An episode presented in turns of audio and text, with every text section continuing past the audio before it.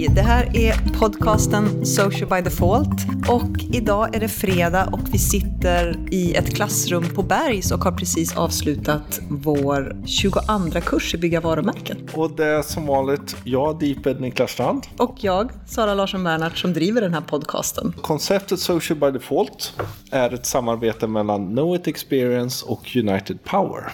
Vill ni läsa mer om oss, gör det på socialbydefault.se och vill ni kommentera avsnittet eller helt enkelt ha idéer om vad ni vill höra i den här podcasten så twittra med hashtaggen socialbydefault eller prata med oss på vår Facebook-sida. Tre dagar igen. Mm. 22 gånger tre. Det är så många så jag inte ens kan räkna. Nej, det är... men det, har varit, det är alltid lika roligt. Och den här gången var det en ganska liten grupp. Mm. Och eh, många olika nivåer och många olika infall. Och business to business och business to consumer och tjänster och produkter. Och, och mode. Snabbt och långt. Och, ja, precis. Jättekul har det varit. Ja, det har det verkligen mm. varit. En sak som vi har börjat diskutera mer och mer under de här kurserna och som vi väver in i den utbildning som vi gör handlar ju väldigt mycket om just dialog och kommunikation kring sociala kanaler och framför allt då kundtjänst. Och som verktyg för att hantera saker. Mm. Och då tänkte jag att vi ska prata med någon som verkligen vet en del om det. Så vi tog kontakt med Fritjof Andersson som har grundat Relation Desk. Och pratade lite självklart om Relation Desk men, men framförallt väldigt mycket om vad man behöver, vad organisationer behöver, hur just dialogen behöver utvecklas och hanteras idag. Så den intervjun får ni höra här. Idag är vi på United Spaces.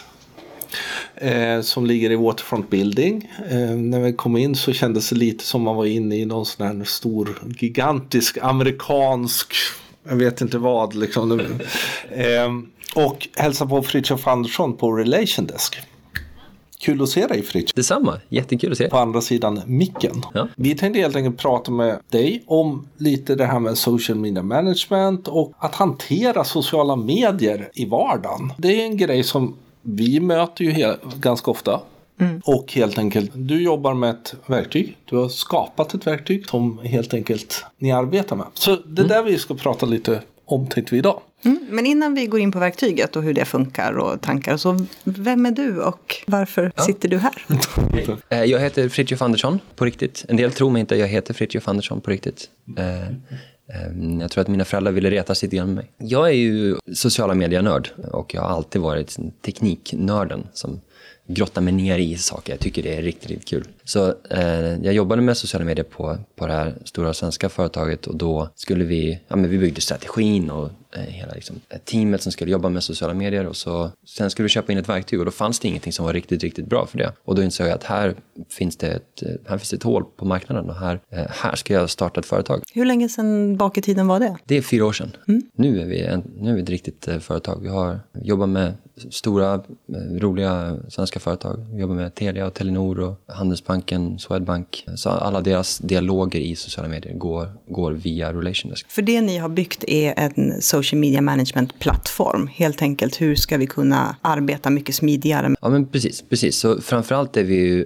fokuserar på att kunna hjälpa våra kunder att ge riktigt bra kundservice till sina kunder. Mm. Så kunna hålla koll på alla dialoger. Så att, eh, säg att man sitter och har tre Facebook-sidor och två Twitter-konton och ett Instagram-konto. Så kommer in alla de här liksom, mentions och privata meddelanden och saker som kommer på väggen och allting. Så har man hela det här inflödet. Så att vi är verktyget som, som samlar ihop alla de sakerna så kan man se vad har vi gjort, inte gjort, vilka besvarade och inte besvarade, vem i teamet är ansvarig för vad och framförallt har vi pratat med den här personen förut någon gång på någon av våra olika Facebook-sidor till exempel. Så hur ser relationen ut över tiden med just den här individen? Mm -hmm. Hur kan vi ge den personen bästa möjliga svar här nu och säga så, ja ah, men hur gick det med den här saken du frågade om för sex månader sedan löste sig allting där till slut. Till exempel. Sådana saker. Hur reagerar folk då tänker jag? Blir, blir man liksom, ja men vad bra, eller blir man, hur fan vet ni det? Eh, normalt sett brukar folk bli väldigt positiva. Jag har faktiskt inte sett ett enda exempel på att någon som tycker det är otrevligt eh, att de, att de kommer ihåg att de har pratat med någon tidigare. Men det är en bra poäng, verkligen. Det kan ju vara så att någon tycker att det är eh, jätteläskigt. Det är för jag tänker man är inte van vid att på sociala medier att man ska ha så. Om man ringer, det vore inte så konstigt egentligen. Ja, du har ju ringt förut, eh, skriver mail och sånt. Så. Men just där så jag kan tänka mig att en, en del kan bli så här, wow. Ja, verkligen. Det är inte alla som förväntar sig eh, svar, framförallt inte svar så snabbt. Till exempel jobbar vi med Swedbank. De är briljant snabba på att svara hela tiden, dygnet runt. Det tror jag inte folk alltid förväntar sig. Att man skickar man ett meddelande klockan halv ett på natten så får man svar inom några minuter. Oj, ja, det är ju helt otroligt. Ja. Men om vi backar tillbaks då de här fyra åren. Du, ni insåg, eller du insåg att det fanns ett hål på marknaden. Du kände att men här finns det någonting som vi skulle kunna skapa. För fyra år sedan var ju kundtjänst egentligen kanske inte så involverade i hela sociala mediesatsningen på företag. Utan det kändes, åtminstone när jag minns när vi började, att det var väldigt mycket marknadsavdelningen som satt och råddade sociala medier. Det var marknadsmänniskor som fick svara på frågor och så här. Hur har utvecklingen sett ut under de här fyra åren då? Som jag ser det så har kundservice lite grann blivit den nya marknadsföringen. Det har blivit att, så här, om man ska välja mellan två stycken likartade produkter från två företag så är det oftast inte så att om det skiljer en krona mellan dem så kommer man inte välja den ena eller den andra. Utan det man baserar valet på det är hur är min relation med det här företaget. Om man någon gång har pratat med ett företag och fått urusel kundservice så kommer man inte köpa från dem igen, någonsin. Spelar ingen roll. Dessutom kan man berätta för sina nio vänner om hur dåligt det företaget är. Så att för företag på marknaden med hög konkurrens så är kundservice och framförallt i sociala medier där det syns extremt viktigt att faktiskt bygga de här långsiktiga relationerna med, med kunderna. Och det, där har ju, den utvecklingen är ju jättestark. Du nämnde Swedbank och du nämnde SAS och Telia som några av era kunder. Finns det olika segment som har liksom kommit in tidigare eller olika branscher som har insett det här tidigare än, än andra branscher? Ja, jo, men så är det. Och de branscher som vi ser framförallt är ju de som har många kunder som har ett högt värde per kund. Så till exempel banker har ju en väldigt hög intäkt per kund och där blir det väldigt mycket mer intressant. Däremot om man är ett appbolag som säljer någonting för sju spänn så är det mindre intressant att bygga en långsiktig relation med. Fortfarande inte ointressant, men det är mindre intressant. Så att eh, ju högre värde det finns per kund, desto högre ser vi ett intresse där att faktiskt bygga de här relationerna. Kan det också ha att göra med vissa branscher som någonstans har, har låtit kunderna sköta väldigt mycket av sin, sin egen affär? Om man tittar på bankerna till exempel så vet jag inte när jag hade hjälp av en mänsklig person i, mm. i vardagen. Utan snarare, jag gör alla mina bankärenden själv och strular det sig så självklart vänder jag mig till deras Facebook-sida. Mm. De har ju varit ganska tidiga med det insteget, likaså resebranschen. Ja. Kan det vara en sån sak också att man har insett att ju tidigare vi plockar bort människan i mötet och lägger över det digitalt, desto mer behöver vi satsa på vår digitala kundtjänst. Det är intressant. Jag har inte, jag har inte tänkt på det så förut, men så kan det vara. Absolut. Frågor som du möter, Ja. du är ju ute och träffar mycket folk. Vad är det för problem man, man stöter på idag? Det är, det är ganska entydigt. Det är, om det är ett stort företag så är det oh my god, det är kaos på vår Facebook-sida. Vi får in jättemycket saker och vi missar att svara saker. Det är det vanligaste. Och de flesta företag har två lägen som de ligger i. Det är liksom det vanliga, en vanlig dag där man får in ett antal meddelanden. Eh, Och det andra läget är mediekrisen. När det smäller till, någonting kommer upp i en, en artikel i Aftonbladet eller något sådana saker. Och så kommer det in eh, tusen inlägg på en förmiddag och så ska man försöka hantera det. Och i det läget så spelar det ingen roll hur många personer man sätter i ett rum för att samarbeta för att bygga det här. Om man inte har en strukturerad process och eh, verktyg som Relation Desk så går det inte att hålla koll på vad man har svarat och inte svarat på. Jag har sett företag som försöker sköta det här med Excel-ark som ligger på delade mappar och och den här posten hade igår kväll 18 kommentarer, nu har den 24 kommentarer. Då finns det alltså sex nya kommentarer, undrar vilka de är och så sitter man och håller på och försöker sköta det liksom manuellt. Så det är ett jätte, jättestort problem. Och är i en mediekris och man får in liksom hundratals eller flera tusen, då är det ju, det går inte att hålla i huvudet. Kan du koppla flera administratörer som sitter och arbetar parallellt? Att om det nu kommer en sån supermediakris så kan man sitta och rodda och beta av ganska snabbt. Exakt. Det är ofta så att vi utbildar liksom kärnteamet som jobbar med sociala medier som kanske är en, två eller tio personer någonstans där. Och sen så utbildar vi en, en grupp runt omkring dem som kanske är någonstans mellan 10 och 200 personer som kan hoppa in när någonting smäller och jobba eh, liksom dygnet runt. Vi har en kund för ett tag sedan som under en vecka så körde de, det var många där som, ja de sov tre, fyra timmar per natt eh, under en vecka under den krisen. Och då lär du bara kunna verkligen jobba fokuserat. Men andra frågor som, som då just runt sociala medier och att hantera sociala medier. Eh, En stor grej är att hålla nere responstiderna. Eh, Många företag har som mål att ge bra svar men man kan inte riktigt säga ja, vi ska alltid svara inom x antal timmar. En del säger vi ska svara inom två dagar, eller något sånt, vilket då kunderna har tröttnat.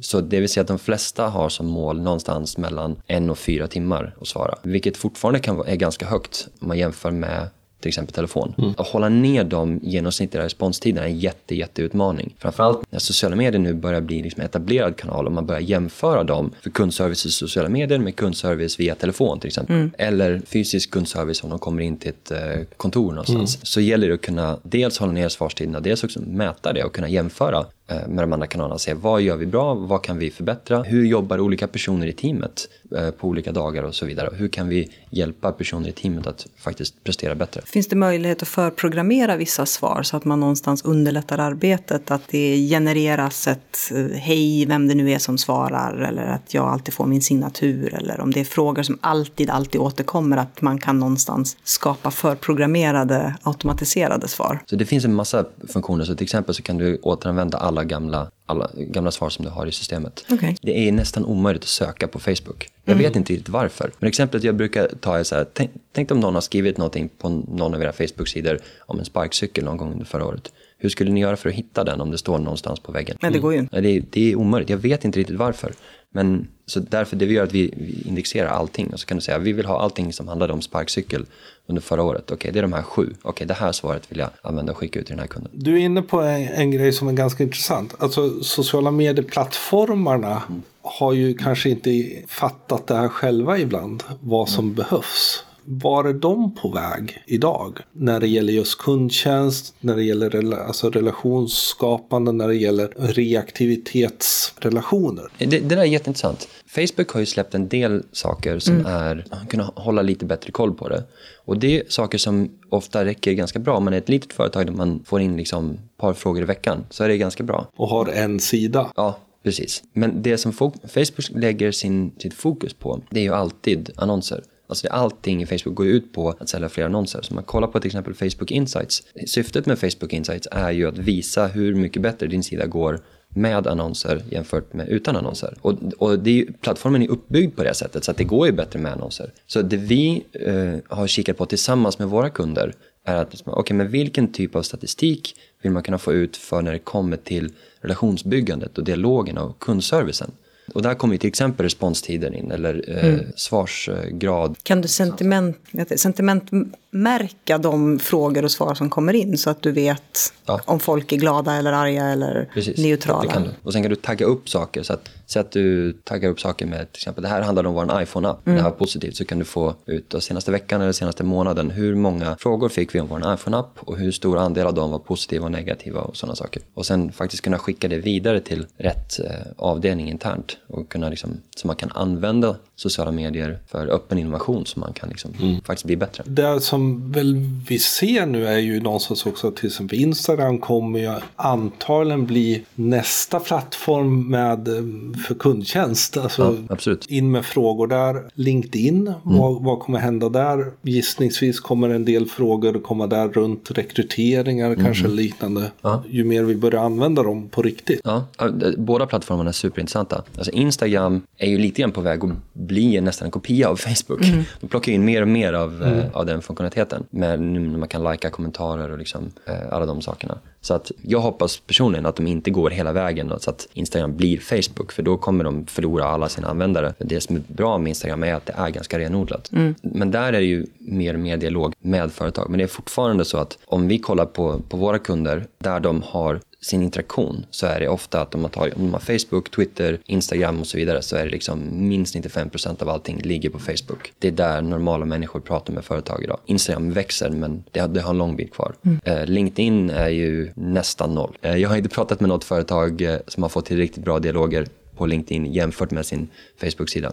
Det är alltid Facebook som det faller över till. Även om man tittar på stora business-to-business-företag, för de har ju ändå varit ganska tidiga på att förstå LinkedIns styrka egentligen och jobba med hela content-biten och bjuda in till grupper och så. Och grupper är ju superintressant och där kan man ju få folk att faktiskt prata med varandra. Mm. Det, där är ju styrkan och där kan det bli riktigt bra spridning på saker. Men just det här som man kan se på Facebook, att någon lägger ut någonting som är vi har den här produkten eller vi har den här saken eller vi har det här eventet eller sådana saker. Få det engagemanget kring det, det contentet som är på Facebook och få det engagemanget på LinkedIn ser i alla fall vi inte att någon lyckas jätte, jättebra med. Har, har ni sett några sådana bra grejer? Det är väl vissa, om man tittar på stora industrier som ABB eller eh, Maersk och de, de har ju, ja. men de har ju också en väldigt mycket större användarbas som de kan attrahera ja. på de här plattformarna. Så att Facebook är mycket mer en stor del av vår vardag om man jämför med LinkedIn. Sen får vi se vart LinkedIn tar vägen med tanke på Microsoft köp och sådär. Jag tror att det finns en potential, men då behöver de också utveckla plattformen ännu bättre än vad de har. Vi pratar ju ganska mycket om företag och vi pratar egentligen företag som kanske har produkter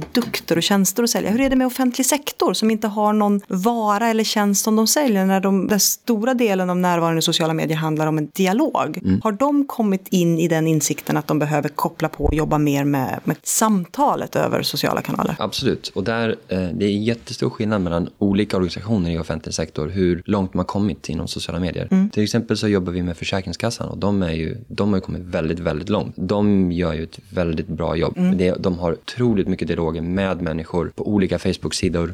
Jätteduktigt team som sitter och jobbar, tar alla de här dialogerna. De har ju väldigt tydligt satt upp sin strategi, hur de ska jobba med sociala medier, vilka kanaler som ska nå vilka målgrupper och alla de bitarna. Mm. Och sen finns det ju många andra organisationer i offentlig sektor som kan kika på de här föregångarna och liksom lära sig av dem. Det jag tycker är intressant med det sociala medier är på väg mot är att det är på väg att bli för första gången en sån riktig medborgardialog mellan medborgarna i landet och de olika instanser som är en del av staten. Mm. Så, så, till exempel eh, polisen använder Relation Desk. De som jobbar där får ju till att folk som är där ute i, liksom, i verkligheten och pratar med polisen får väldigt bra svar. Det är väldigt kul att se de dialogerna därför att helt plötsligt så blir det som att polisen och medborgarna möts ute på gatan men de möts också digitalt. Mm. Och det är sånt som kan skapa förståelse för polisen som organisation, kan skapa större trygghet, det har en massa positiva effekter. Och där tror jag att det finns många fler offentliga organisationer som kan kliva in i sociala medier och dra väldigt stor nytta av att faktiskt prata med medborgarna öppet och transparent. Mm. Är vi redo för det som personer? Jag tror att du är redo. Jag tror att det, det, det finns vissa personer, det finns alltid troll. Mm. Vilka företag och organisationer man pratar med så finns det alltid troll som ska in och skrika av sig och vara otrevliga. Och de kommer att komma in på de här organisationerna också och det får man acceptera. Men när man kliver in och säger det här är vår Facebook-sida, då kan man säga det här är våra regler och vi kommer blocka folk som bryter mot de reglerna. Om man inte har en Facebook-sida så kommer folk fortfarande ha den dialogen mm. om ens organisation. Det är bara det att de kommer ha den någon annanstans, på Flashback eller på något forum där man inte har någon kontroll över det, det är svårt att svara. Så att, att visa framfötterna kliva in och säga att här är plattformen där vi kan eh, diskutera med er som medborgare. Det tror jag är bara positivt. Vi har ju pratat ganska mycket i podden om att klimatet i sociala medier har förändrats. Framförallt det du säger att det har blivit ganska mycket hårdare. Det handlar idag inte om ett företag eller en organisation ska hamna i en krissituation mm. utan det handlar snarare om när ska de hamna i en kris och hur hanterar de. Har den här utvecklingen också gjort att ni har varit tvungna att förändra verktyget för att bättre kunna rusta företagen som använder det för de här situationerna? Absolut, så är det. Det finns, ehm, alltså vår grundtanke var ju, det kommer in frågor, man svarar. En utmaning är ju till exempel, säg att det är någon som frågar en väldigt, väldigt komplex fråga. Om du sitter som kommunikatör på ett företag och så får du en fråga där det är, vad är ert företags inställning till den här frågan på den här saken som ert dotterbolag gör i det här bolaget och de här lagarna eller vad det nu kan vara för någonting. Mm. Komplexa frågor. Då behöver du som kommunikatör kunna hämta in faktaunderlag från kanske jurister eller andra personer i bolaget och göra det på ett strukturerat sätt. Och dessutom behöver bolaget inte bli personberoende av dig när du börjar hämta in den här faktan för du kanske blir sjuk imorgon Mm. Så där har vi jobbat tillsammans med våra kunder för att bygga upp funktioner för att stödja faktainhämtning mm. från olika delar av organisationen för att kunna skapa bra svar. Det här har ju varit ofta ett problem när man har jobbat med innan just att det, då kommer en massa mejl som inte blir besvarade och man skickar, har allting via mejl och så sen ska det in, in i något svar som man ska leta med. Alltså det, mm. det är ju en, ett av de, framförallt inom offentlig sektor som vi har sett, ofta en stor fråga som har varit hur fasen ska vi hantera det? Just att få, få rätt svar från rätt person. När det gäller offentlig sektor så finns det ju en annan aspekt som man hela tiden måste ta hänsyn till. De har ju massa lagar och regler som de Ja. behöver förhålla sig till. Hur funkar det? Du menar till exempel diarieföring? Precis, och arkiveringslag och allt sånt där. Det där är ett växande problem som är att det är lite av en tickande bomb eftersom alla de här organisationerna, kommunerna och alla de börjar jobba med sociala medier och det är ju en dialog med medborgare som ska arkiveras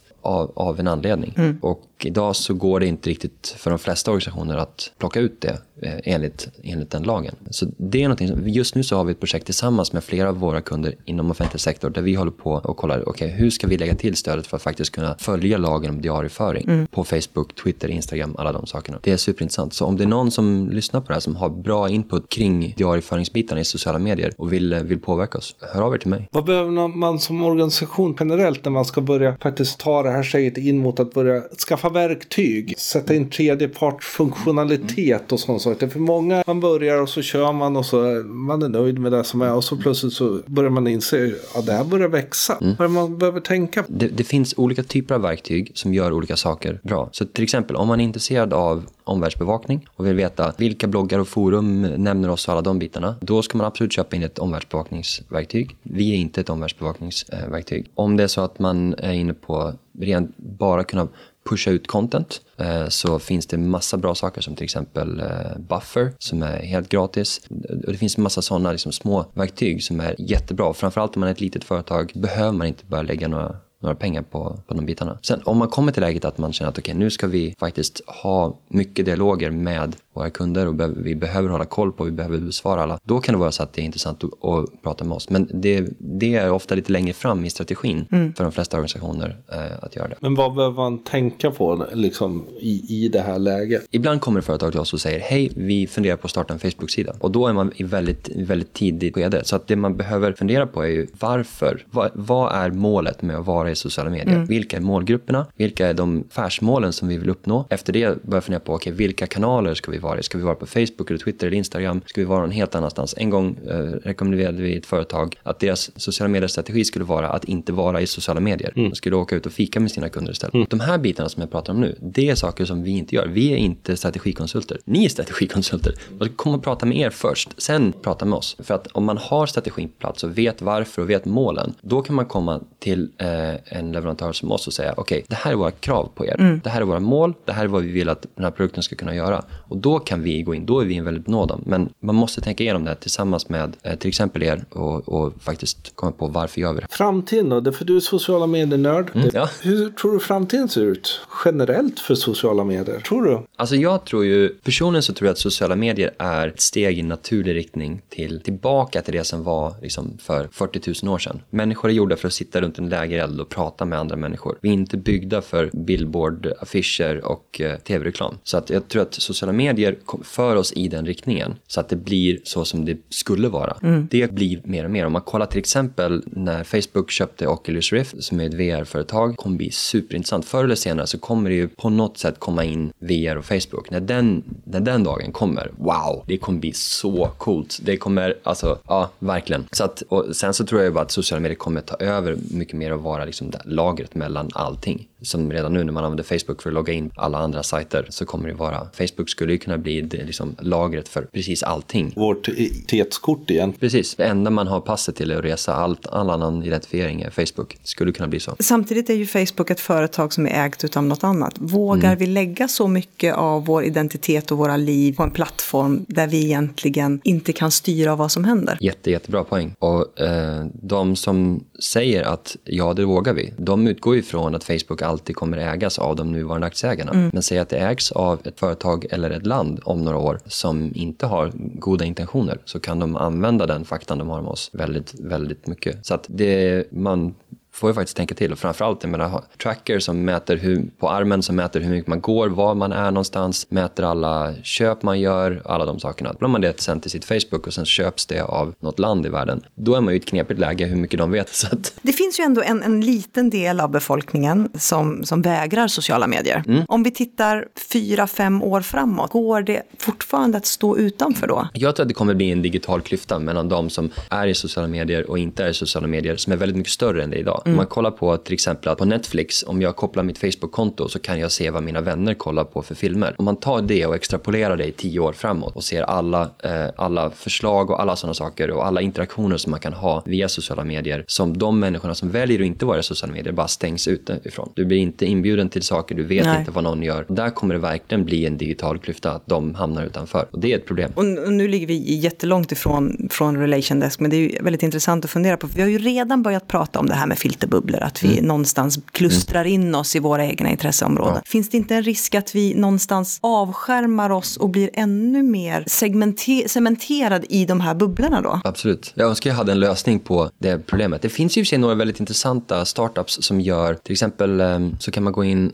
det finns en startup där man går in, jag kommer inte ihåg vad de heter nu, men du går in och så kopplas du till hundra slumpmässiga människor och det blir din nya bubbla. Så då det, och så blandar de så, så du inte bara får exakt de nyheterna som du får nu, utan du får nyheter från en massa olika personer. Då bryter man sig liksom ut ur bubblan. Det finns en massa sådana intressanta initiativ. Du kom ju faktiskt med en fråga för förra veckan. Mm. Vilka ska jag följa för att komma ur min bubbla? Ja, det- det är ganska det var- kul. ja, liksom. väldigt, väldigt kul. Alla börjar så, vad fan. Liksom. Jag, jag la ut den på Facebook, Instagram och, eh, och LinkedIn och fick jätte, jättemycket respons eh, på det här. Det, det jag sa i princip, jag inser att jag lever i en filterbubbla, hjälp mig att komma ut ur min filterbubbla. Så skrev jag fyra, fem saker som det här står alltid i min bubbla. Till exempel, Trump är alltid eh, dålig. Ja, jag får aldrig upp nyheter om att den här bra saken har Trump gjort. Eh, och det kan vara ganska intressant att få liksom, andra, andra synvinklar. Så att jag, jag har fått en massa nya, nya källor. Till exempel, eh, jag inser mer och mer att jag borde börja läsa Fox News och Pravda, som är den ryska statstidningen. Bara för att få en helt annan vinkel på vad jag, vad jag får i vanliga fall. Ja, och samtidigt lite så här utmanande. Var det några som blev provocerade? Jag Ja. blev inte provocerad, men jag tänkte skriva, ja men det, du, det är ju rätt det som står där. Ja, det, det, det är jätte, jätteutmanande när- folk då eh, skickar eh, artiklar. Det här borde du läsa och så inser man efter en stund att det här är en artikel som eh, förespråkar protektionism och att vi ska liksom stänga ner alla gränser och inte släppa in någon i Sverige. Som går emot vad jag tror på. Men det är intressant att höra hur de människorna tänker. Jag tror det är viktigt att höra det. vad är er utmaning? Men, men vad är nästa steg i er bransch liksom, för, för utvecklingen? För det första så tror jag inte riktigt på företagshemligheter. Vi är väldigt transparenta med, med vad vi gör och det är så som vi utvecklas hela tiden. Vi berättar för våra kunder, hej vi har en idé, vi tänkte göra så här, vad tycker ni om det? Och sen så kommer 15 företag och säger, ja det här är bra, eller det här är dåligt. Det är så som vi utvecklas tillsammans med våra kunder. Så att vad nästa steg för oss är kommer alltid vara det våra kunder säger att det här är vår stora utmaning just nu. Jag sitter varenda vecka och pratar med både våra befintliga kunder och nya kunder och hör vad jobbar ni med nu? Vad är svårt? Vad är utmanande? Vad tar mycket tid? Vad, vad trasslar? Oftast så är det att det är väldigt mycket dialoger eller Facebook har släppt en ny funktion som trasslar för dem. Facebook har väldigt mycket buggar. Det är, det är en utmaning. Jag kan inte säga exakt vad vi kommer göra tre år för det beror helt på vad våra kunder säger att de vill göra. Så att det, vi, vi parerar hela tiden. Vi är väldigt, vi är väldigt agila på det sättet, på gott och ont. Men om du tittar som du har funderat, det där borde faktiskt snart vara man behöver. Vad skulle det vara? Nej, men jag tänker ju att, att alla de här kanalerna har ju massa algoritmer som hela tiden försvårar för företag för att nå ut just eftersom de vill tjäna pengar på annonser. Och det man skulle behöva är ju kanske möjligheter att koppla på möjlighet att få folk anställda att bli bättre ambassadörer genom att det som sker på det som företaget lägger in på Facebook och på LinkedIn och sådär kommer ut i ett mejl i min mailbox. Och jag kan koppla min mail till mina konton så jag kan klicka på en knapp och så kan jag då skicka ut det här på LinkedIn. Problemet är ju att då gör jag en egen postning, vilket innebär att jag någonstans urvattnar postningen som företaget har gjort, för att jag delar inte det. Vilket då skulle kunna vara en möjlighet att de på något sätt kunde koppla anställdas mail till Relation Desk som gjorde att när jag som företag lägger upp ett inlägg på Facebook så går det ut någonting som gör att jag kan via en knapptryck dela det om jag vill vara ambassadör. För då hjälper vi ju faktiskt till algoritmen. eller Mm, jag att jag kan lajka direkt. Nej, men det jag tänker också på, det är ju antagligen ofta så att anställda inte vet vad som diskuteras på Facebook och så. Precis. Att det, det faktiskt är saker som diskuteras. Mm. Eh, Å andra sidan kan det gå åt andra hållet då, för utmaningar. En del företag kan lägga ut saker och så säger de det här, är, det här går skitbra, vi får 100 likes varje gång vi lägger ut saker. Sen går man in och kollar vilka som likar och så är det 95 av dem jobbar på företaget. Vilket betyder att man hade lika bra kunnat köra den här via internetet. Så att det gäller att engagera medarbetarna, absolut, men också faktiskt kunna nå utanför bolaget och nå potentiella kunder eller opinionsbildare, de man faktiskt vill nå eh, med, med sin kommunikation. Och där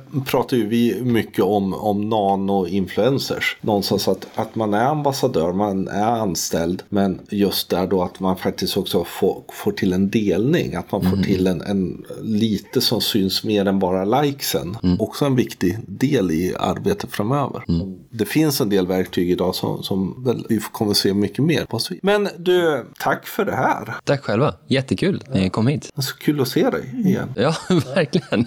Jättetack för att vi fick låna din tid och för att uh, vi fick prata med dig. Tack själva.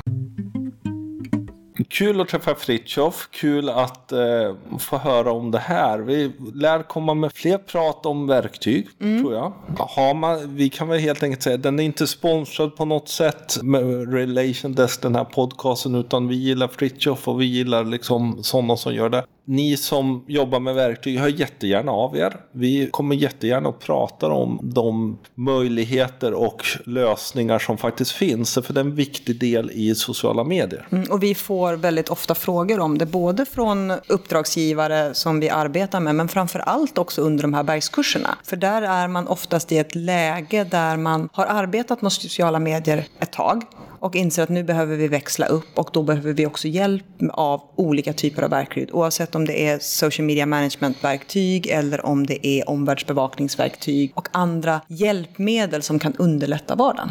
Nu blir det en liten paus. Mm. Det är vecka sju nästa vecka. Någon ska vara ledig av den här kombon och det är inte jag. Nej, jag hade tänkt att jag skulle tillbringa nästa vecka på skidor. Ja, så fantastiskt skönt. Ja, det är du så väl värd. Så eh, det blir en veckas uppehåll för podden. Men självklart är vi tillbaka igen efter min semester. Så till dess får ni ha det jättebra. Vi lägger in lite länkar och liknande i show notes som finns på podcast.socialbydefault.se. Och för att inte missa några av våra avsnitt så prenumerera gärna på vår podcast. Vi finns som vanligt på iTunes, Soundcloud, Acast och Stitcher och sök i så fall på Social by Default. Då gillar ni podcasten, ge den gärna betyg i iTunes och eh, berätta vad ni vill höra. Tyck till, använd hashtaggen Social by Default. Mig når ni på Twitter, på Snapchat, på överallt som atdeeped. Och jag heter atsanaclb överallt. Så till nästa gång, ha det så bra. Hej då. Hej.